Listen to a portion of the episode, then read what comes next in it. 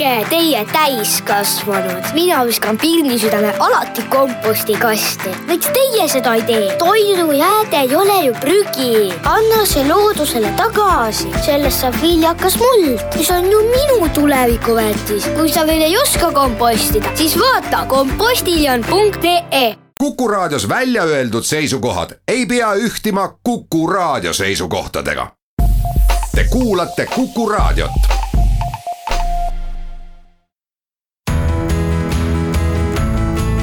Kuku Raadio nädala kommentaar. tere, mina olen Kivisildnik ja te kuulete mu kuuendat raadiojutlust teemal Rahvaste kevad.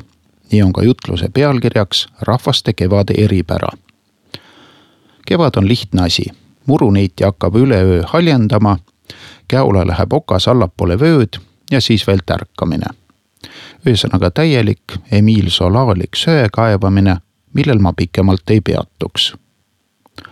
Rahvastega on asi palju keerulisem. teadlased on välja selgitanud kaks väga olulist rahvusküsimust puudutavat fakti.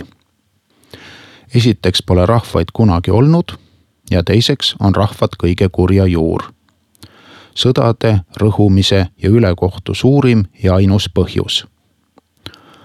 see teadus on igal pool kirjas, eelkõige Eesti ajaloo teises köites ja Euroliidu ürikutes. Eelmainitud faktid on omavahel täielikus kooskõlas. sest rahvad konstrueeriti mingi arusaamatuse tõttu lähiminevikus.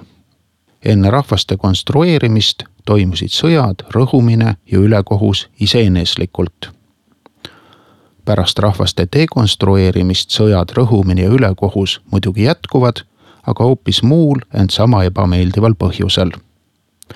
rahvad on tulnud ja läinud, sõjad on jäänud. Just sellepärast tulebki rahvad maa pealt minema pühkida ja rahvuslasi kogu aeg nöökida. juba prohvet Jeremiia kuulutas ette rahvaste hävitaja tulemist, osundan lõvi tõuseb oma rägastikust ja rahvaste hävitaja asub teele, tuleb välja oma asupaigast tegema su maad tühjaks, su linnu elaniketa varemeiks. tsitaadi lõpp. hea näide Eesti ajaloost on Liivi rahva totaalne häving.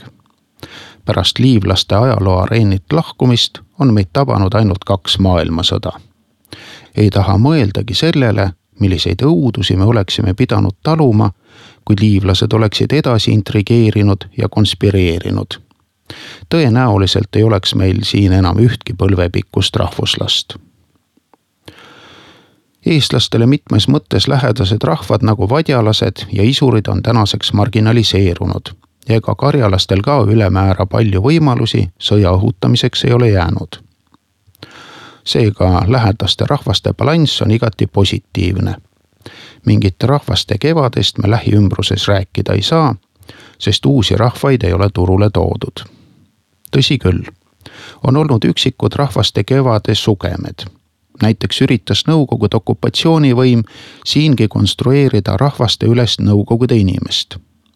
Nõukogude inimene osutus aga elujõuetuks mutandiks ja Nõukogude Liit kukkus kolinal kokku.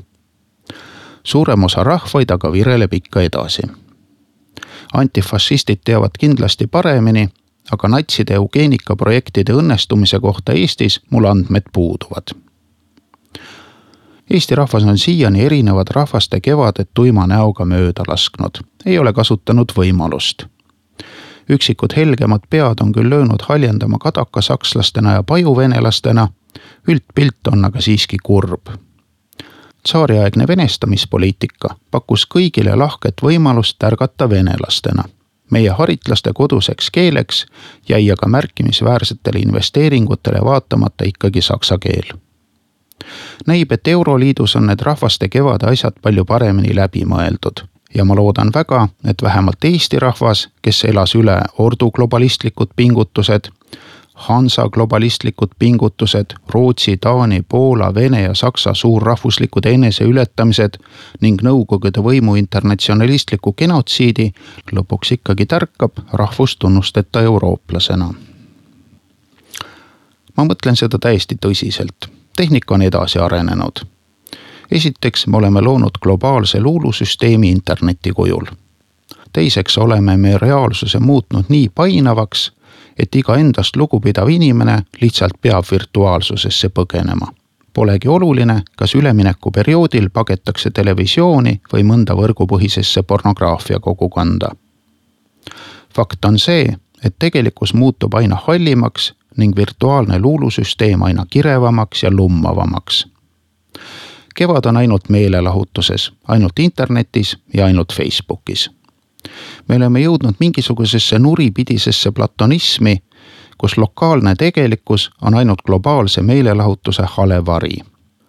ja tegelikkuses võime me kohata ainult inimeste varje, kusjuures neil inimese varjudel pole Douglasega kõige vähematki tegemist Needuste allee autori see Laasni ämberi sarja romaane on mõistlik värske pilguga üle lugeda.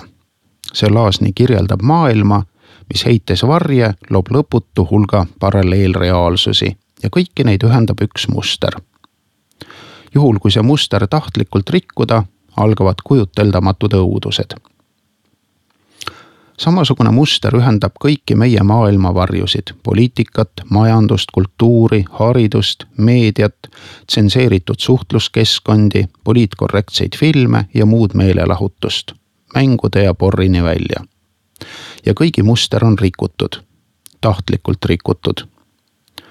ja nagu Ämberi romaanides, võtavad ka meil varjud võimust. see on juba juhtunud tahtlikult moonutatud haridus ja tahtlikult moonutatud meedia sünnitavad koletisi. ja sellest võikalt väärastunud, järjest enam kontrollitud ja järjest enam virtuaalses maailmas ei ole rahvastel kohta. Mis rahvusest on isik, kes usub kõike, mida telekas räägitakse, identifitseerib ennast võrgus friikartulina ja kogub raha oma lapse soovahetusoperatsiooni tarvis sellise kultuuri ja väärtushinnangutega rahvast ei ole olemas. aga ta on tekkimas, sest varjude kevad on tulemas. ja nii nagu tegeliku kevade üle on hakanud valitsema Facebooki kevadpildid ja Twitteri kevadsäutsud, nii saavad kunagi ka rahvaste asemel ringi hulpima koletislikud varjukujud. selle nimel töötatakse. sulge inimene kontorisse ja tema kevad on Facebookis kurna tööline oimetuks ja tema kevad on telekas suru laps näoli nutitelefoni ja tema kevad on tont teab kus, ilmselt konstrueeritud dementsuses. ja nad on iga päevaga dementsemaks muutunud. rahvad ja kultuurid on disainitud ellujäämiseks, neil on sisse programmeeritud vabaduse iha ja väärikus, nagu ka tahe edasi kesta nii nagu Facebookil ei ole sõnavabadusega midagi pistmist, nii ei ole varjumaailmal midagi tegemist vabaduse, väärikuse ega edasikestmisega. luulusüsteem ei ole jätkusuutlik ega väärikas, ta on orjastamiseks ehitatud. ma loodan väga, et minu silmad näevad seda, kuidas varjukevadest tärkab lõpuks mingi koletislik rahvas. Neid rahvaid ei saa kindlasti olema mitu, sest virtuaalsuses on kõik ainult üks maa peal on kaks koolafirmat ja kaks parteid. võrgus on ainult Google ja Facebook. kui maa oleks võrgus, siis kasvaks siin ainult üks taim ja seda mäluks üks veis. kogu ökoloogia. virtuaalsuses ei ole reaalselt töötavat konkurentsi ja ma julgen oletada, et seal leiavad kiiresti oma otsa ka multikultuur ja pluralism ning kõik lõpeb ühe vähemuse õnneliku võimuletulekuga millise vähemuse põhjal uus ja ainus globaalne varjurahvas konstrueeritakse, eks aeg näitab. kevad on tulnud, et jääda. kes ei kannata oodata, küsigu meie prohvetivõimetega literaatidelt järele. üleöö on kõik hakanud kooris ja ilmeksimatult tulevikku ette kuulutama. Õnneks on mineviku küsimuses veel üksikuid eriarvamusi. Kuku raadio nädala kommentaar